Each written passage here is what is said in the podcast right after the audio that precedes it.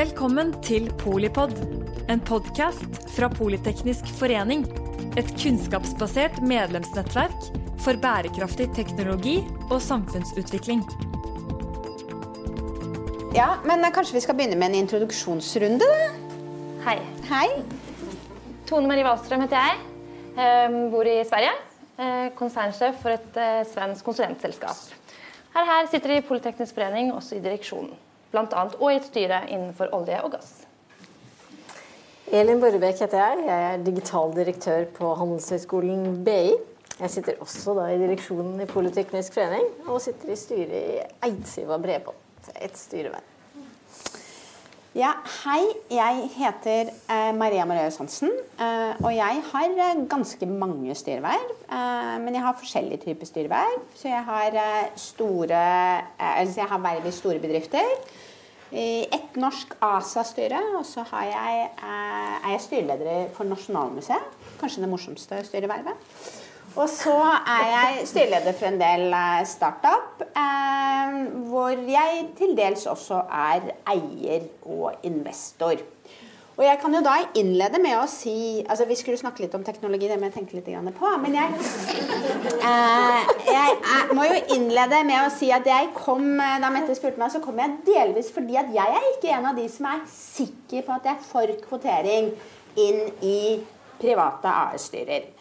Eh, Så jeg kom egentlig for å bli overbevist om at dette var en god idé. Eh, Så kanskje vi liksom skal bruke litt tid på å i hvert fall problematisere da, hva som kan være fordeler og ulemper ved å kvotere inn i private AS-styrer. Og jeg kan jo selv si fra min egen bakgrunn det var at jeg var skeptisk til eh, kvoteringen inn i ASA-styrene. Eh, men eh, jeg ble etter hvert overbevist om at det fungerte.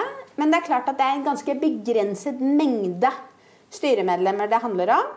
Eh, og så er det klart at Selskapet kan også gjøre et valg om de ønsker å være AS-er. Altså det er noe med på en måte, hva kan man bruke lov til. Eh, og nå skal vi da inn i private eierskap, nei, eierselskaper. Og en av de tingene som jeg liksom er litt sånn i stuss på, det er det er jo en viktig rekruttering til styrer å rett og slett være eier. Og Skal vi se bort fra det aspektet? Eh, eller liksom, hvordan skal man angripe liksom, mangfold- og likestillingsbegrepet? Si hva du tenker om kvoteringsloven. Forslaget. Forslaget. Forslaget. Jeg tenker vel dessverre at det er nødvendig. Og grunnen til at jeg tenker det, er jo at jeg, jeg har jo ett styreverv. Og det var litt tilfeldig egentlig at jeg kom inn i det. Jeg hadde jo hatt lyst på styreverv lenge. Var veldig usikker på hvordan man posisjonerer seg for å komme dit. Når man ikke har si, rollemodeller, man har ikke veldig mye damer. Det er, det er en utydelig, eh, det er en, det er en utydelig karrierevei, kan du si. Så, så mange av de som nok sitter på mye kompetanse, ønsker å ta den i bruk, vil jeg tro ikke finner arenaene for å komme dit. Og en kvotering tvinger jo fram eh, en rekruttering fra andre, andre deler av samfunnet enn enn det du har i nettverket ditt i utgangspunktet. Og det tror jeg jo også er bra for bedriftene, fordi du får et mangfold som du ikke nødvendigvis ser etter i utgangspunktet. Nå er det jo veldig forskjell i størrelsen på disse bedriftene som du er inne på. Så det, det er nok ikke gitt at svaret er, er likt helt uavhengig av hva du snakker om. Men totalt sett så tror jeg dessverre egentlig at kvotering fremdeles er nødvendig. Men du sa du satt i Eidsiva-styret, var det det? Ja, bredbånd. Bredbånd. Eidsiva Bredbånd. Hvorfor tror du at du eh, ble valgt inn i styret? Eh, Jeg ble valgt inn i styret tror jeg, fordi jeg har telekomkompetanse, og det hadde de behov for. Eh, Så det var basert på kompetanse. Tror jeg. Ja, altså jeg, har liksom, jeg er litt eh, faktisk på din side, sånn, eh, litt sånn todelt. Eh, hvis man skal tenke sånn følelsesmessig, litt sånn som Anita, man skal inn fordi man er eh, kvalifisert eller man er god nok. Da. Det er ikke fordi du er kvinne. Jeg hadde blitt dritforbanna hvis noen sa til meg at den jobben jeg har fått, er fordi jeg er kvinne. Det er fordi jeg er best. Jeg var best kvalifisert. Og så er det et aspekt selvfølgelig eh, som man er viktig. Man, altså, hvis man ser på fakta, så er det annerledes. Og da må man nok bare akseptere at det er nødvendig med verktøy som gjør at man får til å få mer balanse i, eh, i forhold til kjønn i ulike roller. Men jeg må jo si at det handler like mye om mitt ansvar i den rollen eh, som å faktisk sitte i f.eks. et styre. Og jeg tenker jo nesten at mitt oppdrag har jo nesten feilet da, i denne diskusjonen. fordi det, den ledergruppen i Å, herregud, nå får jeg ikke Nå må jeg bare se. Nei. Den ledergruppen som eh, vi nå har i det selskapet som jeg sitter i, eh, i som jeg har et styreverv i, der er det nå bare menn. Og jeg er den eneste kvinnen i styret. Så da kan man også lure på liksom, ok, har jeg lykkes kanskje med denne hatten på her, da, med å få inn flere kvinner i både ledende posisjoner. Da har man jo feilet. Men det handler jo ikke om kvotering igjen. Så jeg tror liksom vi her har et like stort ansvar som at det skal komme inn et lovverk som skal hjelpe oss. Men vi må jo også da ta oppdraget med å få inn hverandre i ulike posisjoner. Så jeg mener at det handler like mye kulturelt som at det er et lovverk som må på plass. Altså, min tilnærming til det er jo øh, For det første så har jo jeg blitt en ganske voksen dame. Jeg lurer på om liksom jeg tenker at ok, skal vi holde på med dette fortsatt? Ikke sant? Handler det om det samme? Um, og, så, tror jeg rett og slett at jeg også er preget av at jeg har en voksen sønn og jeg har en voksen datter. Ikke sant? Og jeg er opptatt av eh, deres liksom like muligheter. Og jeg er ikke så nødvendigvis liksom, i Norge lenger opptatt av kvinners rettigheter. Hva er, hva, er, det vi egentlig diskuterer? Den andre tingen som jeg tenker at jeg må gjøre helt klart, og som jeg sier hver gang jeg liksom kommer inn en dør eller blir invitert inn i en setting, eller, eller det handler om eh, styreverv, det er at det blir ikke mye mangfold av å bringe meg inn i rommet lenger. Altså, det blir ikke det. Den derre kvinnelige egne egenskaper og måter å tenke på, liksom du, du, sitter ikke 60 år i norsk næringsliv og ivaretar liksom veldig mange sånn mangfold. Så det er jo spørsmålet om hva er det egentlig vi ønsker å få til? Er det rettferdighet? Er det liksom dette mangfoldaspektet? Hva er det vi ønsker å få til? Det jeg alltid har sagt, er at jeg tenker at en av grunnene til at man skal telle, i hvert fall? Jeg er usikker på om man skal kvotere, men jeg mener man skal telle det er at man må jo se seg bak, og så må man tenke at 50% av befolkningen er faktisk kvinner. Hvis man ikke liksom greier å få inn 50% så risikerer man jo å tape kompetanse i de store tallene. Men det store liksom, spørsmålet for meg er er det lovgivning som kommer til å drive dette gjennom. Og hva skal vi bruke lov til i dette landet? Det er liksom min store betenkning. Nå har jeg jo hørt på noen argumenter her i dag, og jeg skal jo til og med snakke med ministeren i morgen. Altså jeg må jo suge det til meg. Så, så Men, men Ja, ikke sant? Det, ikke sant? En av de tingene som har kommet opp i debatten, vet jeg, rundt dette lovforslaget, det er jo at ganske mange av disse selskapene som vi snakker om, de har jo knappast styrer.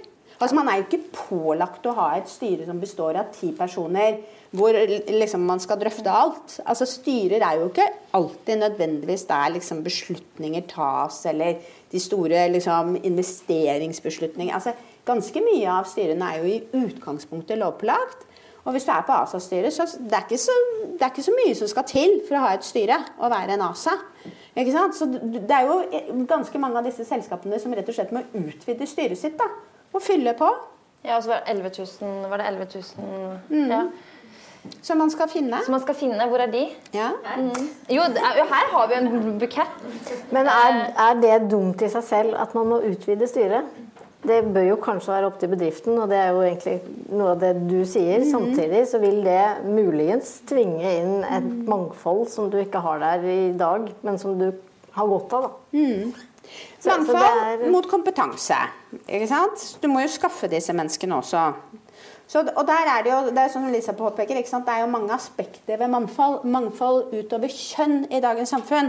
Det er jo sånn at Jeg er jo sannsynligvis mye mindre mangfold enn, eh, med min eh, kvinnelige næringslivsbakgrunn på Oslo vest enn veldig mange andre her i landet. Så det er noe med den derre Hva får man for de virkemidlene man bruker? Men nå skulle vi jo egentlig diskutere teknologi. Og da har jeg lyst til å uh, liksom, gå litt tilbake til dette her med at liksom, vi snakker Det er jo det argumentet som veldig mange trekker opp. Vi snakker om kompetanse. Uh, og da er det i hvert fall på litt lengre sikt, da, hvis ministeren skulle bestemme seg for at ok, liksom, vi gjorde nok med å komme med lovforslaget, vi kommer ikke til å implementere det, så er det jo litt Hvordan sørger vi for at eh, kompetansen eksisterer. Altså, det er jo viktigere at det er 50% som studerer. Det er mye mer viktigere at det er 50% som sitter i næringslivsledelsene, liksom, enn at de sitter i styret. Hva, hvordan får vi det til å skje? Hvordan får vi jenter til å ønske å studere teknologi og ikke bare skulle redde verden og bli leger alle sammen, som er for flinke? Ja, Det er jo egentlig det store spørsmålet mm -hmm. som, eh, som, man har strevet med i, i, lang tid. Og nå er det jo flere og flere, men jeg tror jo det handler litt om kanskje manglende rollemodeller i forhold til hva man kan gjøre med en teknologiutdannelse. For vi er veldig flinke til å dra fram topplederne, kvinnelige toppsjefer i veldig store selskaper, men det er ikke det alle har lyst til å bli. Og for å studere så kan det være at vi burde trenge å trekke opp et mer mangfold av, av folk som jobber teknologisk duere Vi har veldig mange elementer i, i teknologi som, som, de som går på skolen i dag, egentlig ikke blir eksponert for. Da. Mm. Og da er det lettere å tro i hvert fall, at man vet hva en lege og en sykepleier gjør, enn en ingeniør. Jeg tror man må bredde hva man legger med, eller hva teknologi egentlig betyr. og også rollemodeller er kjempeviktig. og Der syns jeg vi i Norge har begynt å bli veldig veldig flinke. Vi har mange kjempebra rollemodeller. Anita er jo en av de. Eh, i forhold til teknologi. Og jeg synes jo, Hvis jeg skal bruke meg selv som et eksempel, så syns jeg det var kjemperart. Jeg er finansiell økonom, skulle jobbe på børsen. Det var, min, eh, det var, min, vei. Men så ramlet jeg inn i teknologi, og plutselig her et år så ble jeg kåret som en av Norges tech-kvinner Jeg skjønte ingenting. Jeg er økonom. Men det handler jo om liksom hvordan du anvender uh, yrket ditt. I, og jeg syns vi alle jobber med teknologi. Sykepleiere jobber også med teknologi. Ja. Altså, så jeg tror det å på en måte få unge jenter da, i, dette, i, denne konteksten til å forstå hva teknologi egentlig er, for det er ikke programmering.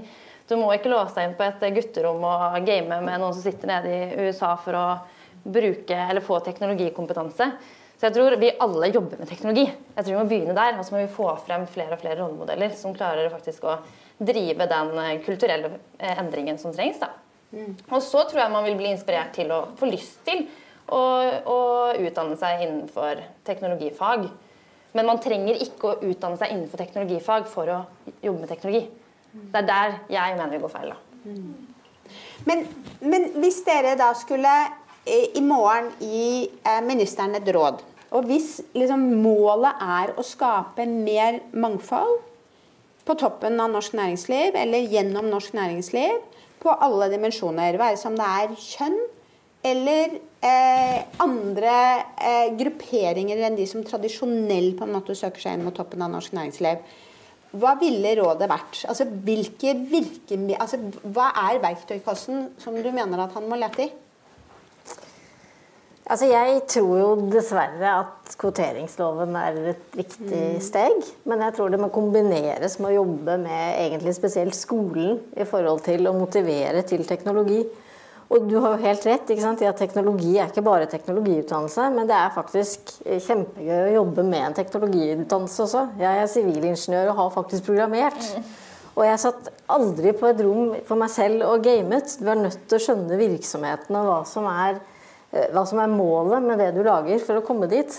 Og det tror jeg vi er veldig dårlige til å snakke om. Eh, og, og jenter, iallfall i barne- og ungdomsskolealder, jeg har tenåringer, de er, de er, litt mer sånn helhetstenkende enn gutta, har jeg inntrykk av. Sånn at de er litt opptatt av andre ting tidligere når de faktisk velger disse utdanningsløpene.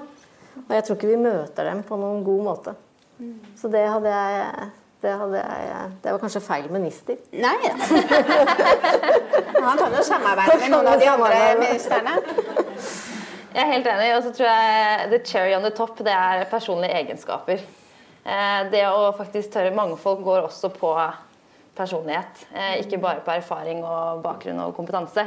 Så det å faktisk få inn litt ulike Det er jo derfor jeg noen ganger havner inn i ting. Det er fordi man er litt tør å liksom dytte litt på siden og være litt annerledes, kanskje. Eh, og det å faktisk eh, se etter ulike personligheter som skaper dynamikk i grupper innenfor styrerommet, er vel så viktig som kompetansen. tror jeg. Så det er mitt råd til han også. Hvordan er det man får frem det også. Mm. Det er litt vanskelig å måle, da. Men ja. Men da må jo appellen, tenker jeg, være at uh, sant, Dette med rollemodeller uh, har jo uh, vært nevnt flere ganger i løpet av diskusjonene. Og det tenker jeg jo er et ansvar som vi alle kan ta. Og, og jeg tenker jo at det er vel så viktig å være en rollemodell for menn og unge gutter som skal ut i arbeidslivet, som det er å være en rollemodell for kvinnene. fordi at hvis det vi er ute etter, er like muligheter, så må vi jo sørge for at vi spiller liksom på samme laget. At vi faktisk er ute etter å oppnå de samme tingene. Og da tror jeg det er kjempeviktig å være rollemodell eh, for alle. For at vi er på veien mot Kanskje. Det er jo du også. Selv om du er en businessdame på 60. Det er du også. Det er viktig å huske på. Så da får vi se hva vi skal si til ministeren i morgen, da. Men det høres jo nesten ut som det er en flertall for kvotering. Skal vi ta en slags votering her, da? Eh, da, eh, da må vi prøve. Da begynner vi først med de som er for, eh, kvoter, altså for lovforslaget om kvotering eh, til private styrer. De kan rekke opp hånden. Det er enstemmig. Ok? Og da må vi prøve de som er imot. Ja. Ja, ikke sant. Det er noen av oss, da. Jeg føler meg litt utsatt da når jeg sitter sånn. Da får vi i hvert fall si til ministeren at det ser ut som det var et flertall for her i dag. Takk skal dere ha. Takk for at du lyttet til Polipod fra Politeknisk forening. Få med deg flere episoder, eller bli med på nettverksmøtene som du finner på at polyteknisk.